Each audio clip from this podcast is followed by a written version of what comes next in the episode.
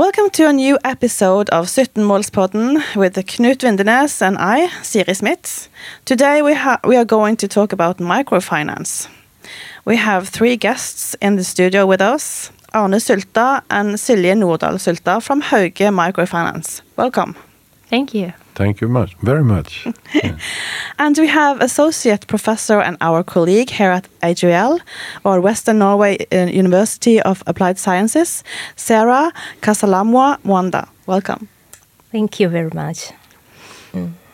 So before we learn uh, about um, Hauge Microfinance, I will. Uh, I think we need to give our listeners some background information about the concept microfinance. I found a definition at the uh, International Labour Organization, although I have also read that there is no common definition of the concept. Anyways, this is what the ILO writes. Microfinance is a provision of financial services to the poor on a sustainable basis. Financial services that the working poor need and demand include different types of credit, savings, guarantees, insurance, transfer payments, remittances, and other transactions. Microfinance is addressed to the poor and those excluded from market transactions. It seeks to broaden and deepen the market by emphasizing that ultimately microfinance institutions have to be sustainable, meaning, for example, self financing.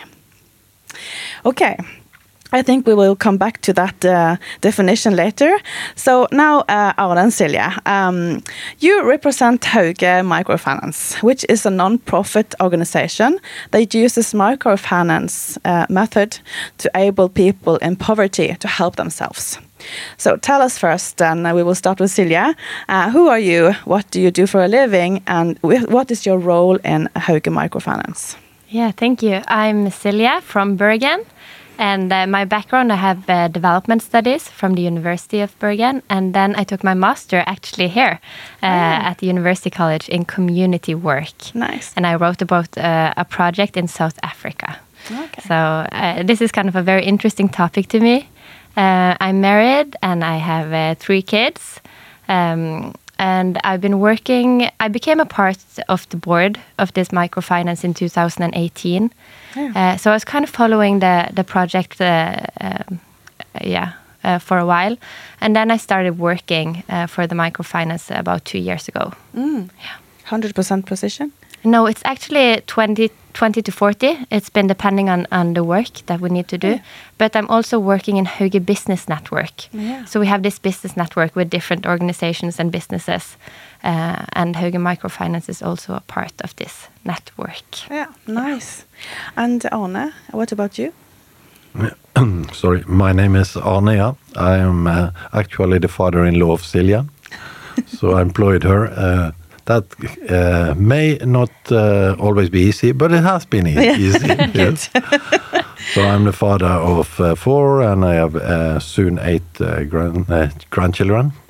Yeah, I'm the CEO of uh, Hauge Microfinance and the the founder also, together with four others. So it was. This is actually like a calling. Yeah. yeah. So we operate in Burundi today. Yeah. We'll come back to Burundi later. Yes. Where um, so um, um, when it comes to Hauge Microfinance, uh, the elevator pitch of what is it and what you do, uh, could you uh, tell a bit about it? How? Uh, yeah. Yes, we have the slogan called uh, "Releasing and Empowering the Productive Poor." So uh, the target group is not all the poor, people, but it's the productive. Uh, that means those who are able to produce something, to use their skills. So uh, we have our name after the man who lived in Norway 200 years ago and actually played an important role in transforming Norway, Hans Nielsen Hauge. So Hauge is a difficult name for them to say, but uh, but then we have releasing. That means actually to release them from poverty. We say we uh, provide a ladder, but the poor must climb themselves. Mm. So we, um, yeah, empower them to take those steps. Uh, that means uh, we tried to give uh, loans without uh, any uh, condition, then payback. but only two out of uh, 11 paid back. Only one paid back the full amount. So then we understood we have to do more, so we train them. So we build a strong character, and then we uh, build uh, skills into into them before we give them a loan. Okay, so it's kind of a school also. Yes. Yeah. And that's very uh, that's the difference from us uh, and other microfinance institutions. They are like banks, only providing uh, capital, but we provide skills as well. Mm, it sounds like a good uh, idea. So, um, tell, that's very interesting. Thank you very much. Uh, could you tell us a bit more about why you are doing this and how it all started? Yeah, I think I must say how it started. so uh, it was uh, actually a calling that I felt God gave me in year 2000. But I said I'm only a banker. How can you use me in developing countries? So I actually said no. But then I experienced the poverty, and I asked God if I could change my mind, and he. Uh, and then I saw that the microfinance was awarded Nobel Peace Prize in 2006, and then I understood that also uh, being a finance uh, manager or, or uh, banker can uh, build up uh, people, transform lives, and even communities. So then, uh, then five people were gathered, and we founded Hauge Microfinance. And God sent us to Burundi. Norway may be the richest nation in the world. Burundi is uh, definitely defined as the poorest. So it's a big contrast. So, it was a calling from God. Yes, actually. Nice. So, we'll talk a bit about that uh, uh, later. Um, Cecilia, do you have any comments to this? Yeah, I think it's very interesting uh, to see this beginning because um, I've been following it for quite a while and to see how you can actually use banking to transform a country. When I was studying development studies, I, I didn't know about this aspect about developing. I thought uh, aid should be like you should always give something with not and not expect anything back. I thought that was like the good way to think about aid. Uh, so when you talk about loans, like you give out loans and you're expecting money back, is that not bad for the poor that you're mm. expecting something back? Yeah. So that was kind of my thoughts at the beginning. But then I realized that actually, when you uh, expect them to pay back, you empower them in a mm. way and you say, you can actually do this. You can build your own life. You don't need to be a receiver, you can be a contributor. Mm-hmm. And Arne has this story. He saw a woman in Burundi and she was so happy. So he asked, What did she get? Why is she so happy? And then they said, This is the first time she is able to give because she's been developing her own business and now she can give and she's earning money. And I think that's a very important aspect of what we are doing. We want people to actually be sustainable. And you know, this uh, you talk about sustainability in this podcast, and that's one of the most important aspects. Like we want it to be sustainable. That's It's not a- interesting. yeah, it's not a so, one. so requirements thing. are Yeah. make make it contributes to make it sustainable. In Yeah. fact, Yeah. And it's such a big difference, you know, with the self uh, image and the self value, you know. I have managed to pay back, so all this equipment that I now bought is mine, you know. It doesn't belong to anyone. Yeah. Before we do, used to uh, give uh, some people equipment in Thailand, and they always called me. I, uh, you need to repair your machine. I said, uh, it's not my machine. It has been given to you now, but then you are responsible for it. Oh, yeah. Yeah, Okay. but now they feel the responsibility, they maintenance, and they do everything themselves. They are so proud. Yeah, yeah. It sounds like a good uh, kind I- of. is this a way to see cultural thing also? Perhaps. Or? I think it's for every human being in the whole Yeah. world, actually. Yeah. So why do we make them dependent on aid and charity when we can uh, enable them to be self-sustainable? Yeah. Yeah. I'm just thinking about myself. Like if I receive something, of course I'm grateful. But if I achieve something, it's a different kind of joy. And I think that's for all people in the world. Like if you receive something, you're grateful. But if you achieve something, that's good. Yeah, motivating also. So um, then I think uh, the results of this initiative. You, you you're talking a bit about it, but uh, what kind of results? Uh, maybe in numbers, or uh, of course happy, happy people or proud people. That's uh, good, but uh, has it really been helpful? Yeah, we. Uh, uh, I've just checked that actually. So uh, I was thinking maybe we have created uh, thirty thousand jobs. But now they say in Burundi more than 100,000 jobs have been created. That's amazing. 100,000. Yeah, and it's only from 2014. And actually, the four, first years we're struggling with our partner, so it's actually less than that as well. Yeah, and we have uh, employed 85 people uh, in uh, Burundi. We are in uh, half of the provinces in the country.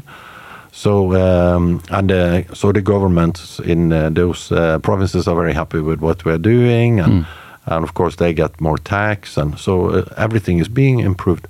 But maybe the thing that made most impact on me was that. Uh, uh, I asked, what are you using the money for when you uh, climb out of poverty? And they said uh, the order, the most, uh, you know, what they always say: food on the table, and then uh, clo- maybe clothing, but also um roof uh, is tightened and uh, send people to school.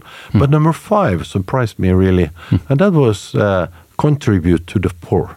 Okay. So when they are able, uh, Okay. you know, then they care for the poor in their own neighborhood.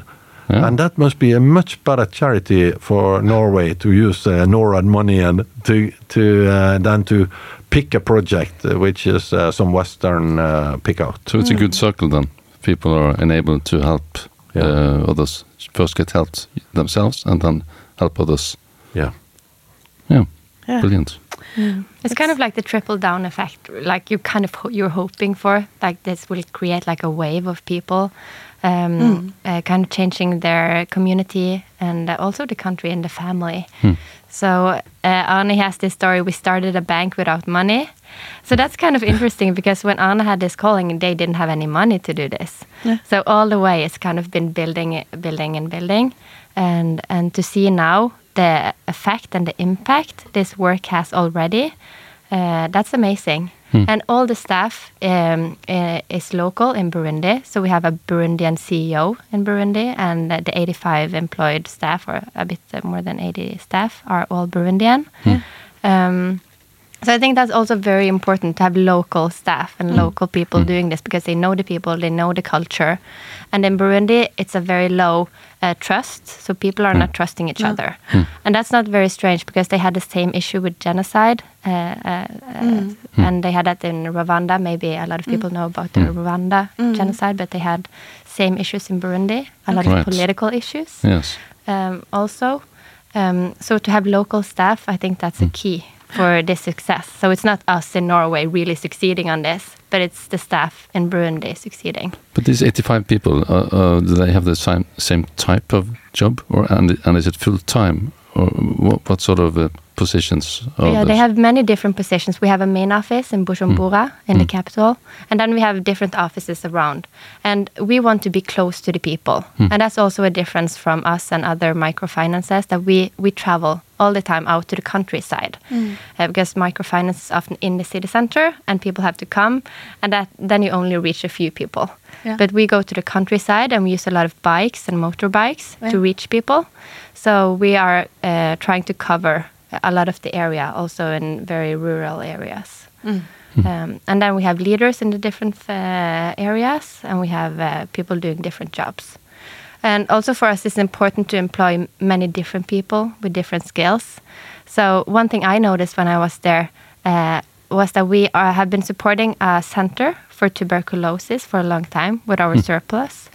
And uh, now we have employ, employed a person uh, from that center because maybe he couldn't walk or he was not really uh, counted on in the society. But he is very good in what we are doing. So now he's employed and now he has a, a position, and that's what we want to do to try to find out what skills do you have and then see if we can use them in our work. So Great he's the story. role model now. So there will be more. We will employ more and more. And we are also building uh, access uh, for all handicapped to enter, which is not normal. you know. Yeah. So how many people live in Burundi all in all? Uh, 11 or 12 million now. Yeah. So uh, you have a hundred thousand already are kind of helped with this uh, initiative. Yeah. Yes, and they have big families there, so uh, you Yeah. can uh, multiply with many people actually, those 100,000. So. So you you you you were uh, talking about a bit about why it, it was Bu- Burundi. Could you say a bit more about that? Uh, yeah. Yeah. Actually, what happened? We wanted to go to uh, Burma. Both times them start with Bur. Yeah. that, that was just a coincidence. but we were asked uh, by some uh, Norwegians who had um, been in Burundi and seen uh, seen that this country really needs uh, transformation. So what happened was actually they did a research uh, trying to find out what is the biggest need when it comes to finance, and then they found out that the microfinance institutions they need to develop. So we uh, had a best practice microfinance seminar, and uh, and then that attracted all the microfinance institutions in the country and the central bank and the universities. So we teach them for uh, in two cities in the capital and one more, and uh, and they all came and learned from that. It, it was together with uh, Handelshøyskolen, Yeah. Norwegian School of Business Economic. Economics. economics, yeah. So, so you had this in Burundi uh, Yes. in, in the start. Yes. Yeah. So then we got to know people, and then we saw the poverty. We didn't want to be in uh, Burundi. I must uh, admit that because it's more attractive to be in Kenya. You can do all these tourist things. but it was again. Then we felt the calling. You know, stay there. They need you most. Yeah. How does that work to get the calling? Uh, you have a heart, you have emotions, and then uh, you feel that uh, you have a care and you, you want to do something for them, and then you feel like God is saying, uh, "This is where you should be." So not uh, it's not uh, written on the wall. Uh, maybe it was that when I got the calling to do microfinance, but Yeah. not not Burundi. But then we have had many confirmations later. You shall do good in Burundi, and then later I will send you to other nations. So now we, uh, maybe we'll start in DRC in Congo. Okay. yeah. That's exciting. So uh, you're talking about the people you um, have employed in Burundi. So you've been in Burundi, of course, and been following up the been following up the work there. How was it to go to Burundi and just see what what's happening? And Yeah, I think for me it was very interesting. I was actually I really love traveling and I love cultures and getting to know new people. But going to Burundi, I was a bit scared actually mm. because mm. I knew it was going to be so poor and it would probably affect me as a mm. person. I, I had these expectations. But coming down and meeting people, traveling around, it's a very beautiful country also, uh, very green, um, and meeting people that that made an impre- impression on me. Especially, I remember we came to one place where we have uh, we were uh, going to meet customers. Was a lot of people gathered, and I noticed it's it was quite uh, many children also. I was like, okay, children on, on a bank meeting. What's going to happen here? uh, so that's that that's not very common in Norway, at least. no, common now. and then they were starting this role play and they played out how i had my i got my bank account in Haugen microfinance no i'm saving for school no no no and they were talking you you should also have a bank account and they were Yeah. kind of uh, modeling how this is working Hmm. and for me it was like wow we're actually really helping children like one to one also Yeah. so hmm. uh, what we do is that they can have a bank account um, in our bank without any charges, and then the, the family can start saving from them hmm. from young age. And then I remembered when I was young, my dad used to bring me to the bank, and he had a bank account for me, and I started saving. And this has been a very important part of how I view my own economy and how I'm saving and how I'm using my my finances. So when I saw this in Burundi, I was kind of surprised because uh, I didn't know uh, we were doing this before we went. Yeah. Uh, so to see how we are actually shaping the future, also by including them in the bank, is very good. Hmm. And Shaping the future. yeah, shaping Wow. the future. Hmm. And also, it was a lot of children that were very poor, sitting, uh, hmm. hanging in the windows. And I was wondering, uh, are they going to like push them away? Like, don't mess, don't don't make noise at this meeting. But they, the staff, the local staff, they invited them in, and they could sit inside, and they get food and drink with all the rest. Uh, and that was also very strong to me because one of our values or one of the things we really want to do is to to see people and love people and change society and to see the local staff inviting small children in and giving them food ah, that was really heart touching Yeah, and I must add to uh, to this that the, in these meetings there are also the mayor, you know, and the governor of the province. So uh, it is extraordinary to do these things, you know. But uh, that's how they think, how they think, and uh, as their value. You know, e- every person has the same value, you know, equal value. Yeah. So uh, in uh, in these meetings also comes a lot of uh, Muslims, different religions, yes, and uh, because everyone is invited to participate. So it's good, um, and and then after the meeting, people just uh, come forward and start dancing. Because they love the message, you know, and they love that they are included and they are care for our values about um, people. And then we dance together with them. So it was kind of strange for Silje and all the others to dance, you know. We're kind of stiff here in Norway. We don't dance uh, without the music or anything. and even in uh, even in our venue, you know, we we have share some people share their testimony, how uh, th- their lives have been changed, and how how they thank our staff and they thank our, us for the vision, and they thank uh, God for uh, being part of it, and then uh, and then they start dancing, and we and we dance Beautiful. together with them. Yeah. So I will soon come to you. I'll include you in the conversation, and of course, if you have any uh, any uh, comments, you you can just come forward. But uh, uh, uh, I was just wondering, we were talking, I have talked a bit about God. So, so uh, Hauge Microfinance is founded on Christian values, and this uh, shows in the name. You talk about the Hauge name. Um, what advantages and is there any disadvantages uh, in this work uh, uh, as uh, when it's kind of uh, so close to the to your Christian values? Is there a, do you meet any anything?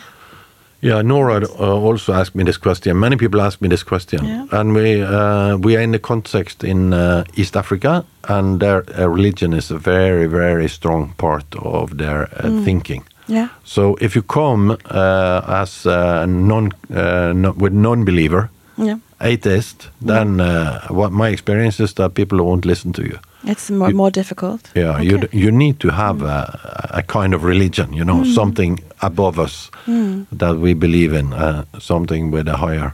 So we we always teach uh, business with a higher purpose.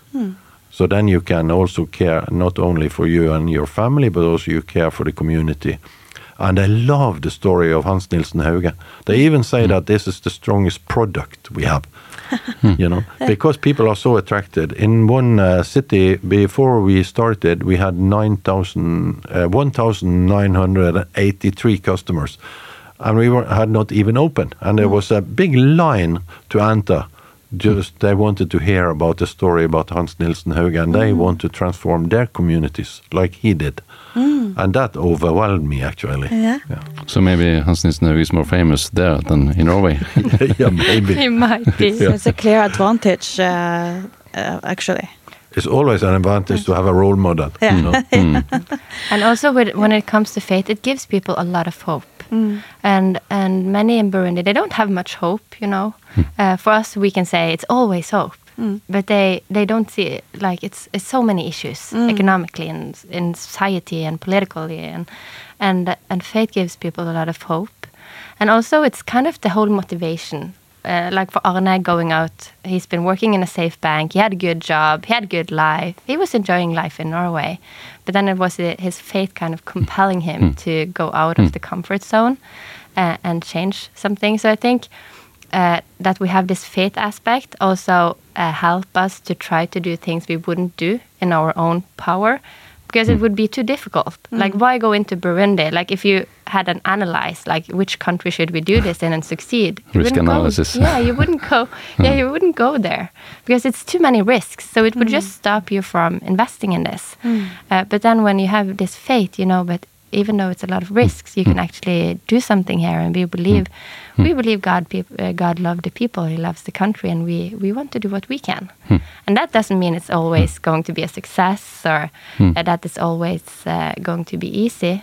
Uh, but it's important. And when you talk about disadvantages, it's of course disadvantages as well. Um, especially uh, when we want to work with different partners. Maybe some people don't agree with our values or, or don't understand where we're coming from. That can sometimes close some projects because we can't work together because for us the faith is so important. We can't just put it away. Uh, so we need we don't need a Christian partner, but we need people that understand that it's important to us. Mm. Uh, so that's one of the disadvantages.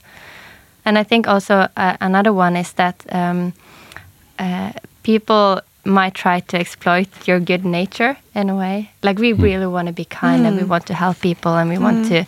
And and uh, when we started this project, uh, we were working with a church in the community, uh, and it didn't work out because they didn't have, even though it, they were a church, they didn't have the same values. Okay, Uh, interesting. So that can also hmm. be some interesting. You think, oh, this is a Christian church, maybe hmm. we should work together, hmm. and then down the road you find out that they were not really actually sharing the values. Oh, that's They interesting. Just, yeah. So that that's it's it can be um, sometimes we jump into a few partnerships. I think that's for all people though. yeah. but but uh, we have been learning so much. So even though this is a success, we've been learning so much and failing a bit. It was more than interesting. It was shocking to us. yeah. So dif- such a difference because in Norway we know we can trust the churches and the pastors, and uh, in uh, Burundi, be ve- or Africa, be very careful, Okay. very careful. So I've talked to many people after that. Uh, And anyway, you should not uh, involve church in uh, business as a partner. No, you they can pray and they can give advice uh, if they are able, but uh, never, never involve them in business. I'm, a bit curious now. What did what happened? Yeah, actually, um, to be, I asked uh, a guy that we trust. Uh, I told him the story. Uh, he's a Burundian. He said, uh, "So you expected them to not che- cheat you?" Or uh, and uh, I said, "Of course, it's church." So I said, uh, I asked him how how many percent in Burundi would cheat me if they got the possibility. And he didn't answer. I said, more than 50? Much more. So I said, 80? he said, um, more. I said, 90%? He said, I think 95. Yeah. Because they are so poor, and we come from Yeah. uh, a rich country, so by uh, you know cheating us, or uh, maybe it's a strong, too strong word, uh, but I didn't uh, think of any other word. By cheating us, they are not doing something wrong. It's just uh, their uh, righteousness or justice in their eyes. So uh, the, when we come as um, as Westerners, they always think about money. So when we share, that's, this is a story I've heard. So when we share our vision, they will uh, many times say, uh, "I have the same vision," because then we are connected, and then somehow they can get money. So they say it's uh, my ATM machine. The Yeah, white person yeah. there. is Yeah, yeah, yeah. Okay, yeah. so you've you made a couple of experiences now, then, and uh, yeah, you're Money, no, money, money. no money, money. Yeah. I guess we should uh, have some uh, uh, questions with uh, Sarah as yes, well. Let's move on. Very interesting. Yeah. Uh, because Sarah, uh, you have uh, done quite a lot of research, and, and parts of your research uh, is um, is uh, towards this area, you could say, and and uh, and also uh, covering uh, Africa. Um, uh, could you please first tell a little bit about your your uh, field of uh, research and, and how it's how it touches upon this?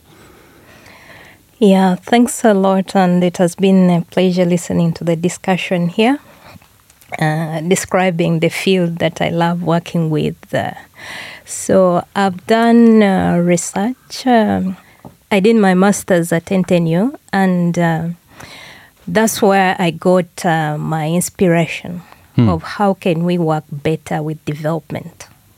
So my research was about uh, a group of women who received uh, aid in form of livestock.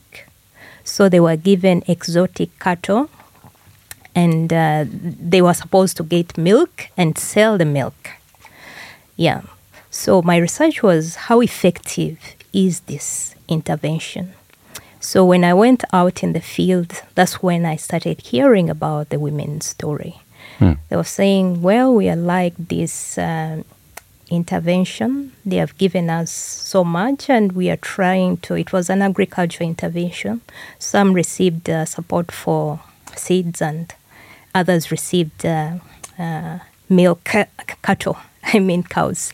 So then the issue was how they translated or how they used this asset, and I was looking at its effect on their livelihoods. So it was amazing to see how uh, we plan development because for some women it worked and for others it just didn't work. So it wasn't their situation. But I've done a lot of research in uh, post war and uh, post disaster situations. Yeah. My research was in Sri Lanka Hmm. where I did I researched about recovery from the tsunami. But uh, uh, Sri Lanka is also a complex context. Uh, there was conflict as well. Yeah. So I was Yeah. seeing the overlap between uh, conflict and natural disaster.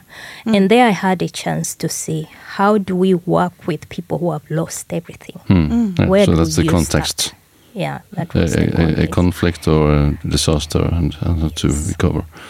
Um, when we talked uh, about this last week, uh, you talked about also uh, other strategies which are important in addition to microfinance. Could could you say a little bit about that? Uh, microfinance is a very powerful tool, like uh, they have already described it here. Hmm. And uh, it's one of the many tools. But the advantage with microfinance is access to financial products, savings, credit, Hmm. and in some cases, insurance or pension. Yeah. So this is very important with microfinance. But then we also need to look at the context in which these interventions are being made. Hmm. Burundi is a very poor country. Hmm. When we look at it uh, on the Human Development Index, it's at 187. Norway is at number one.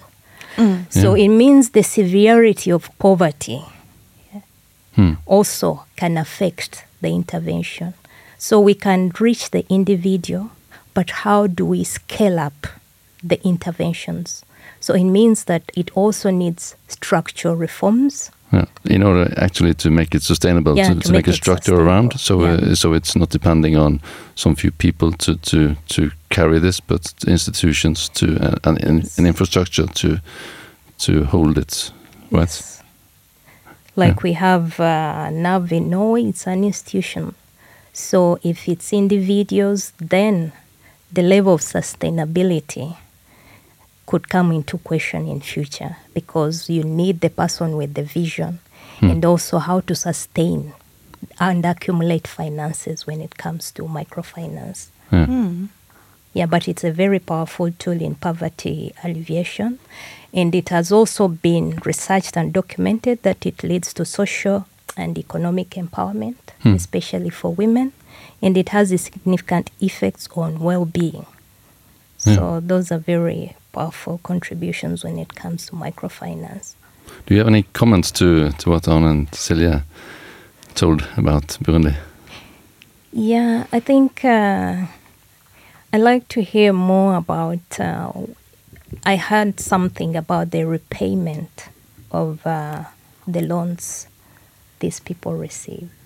So, is there still a challenge, or is it something that has changed now? Because you said only about two out of eleven.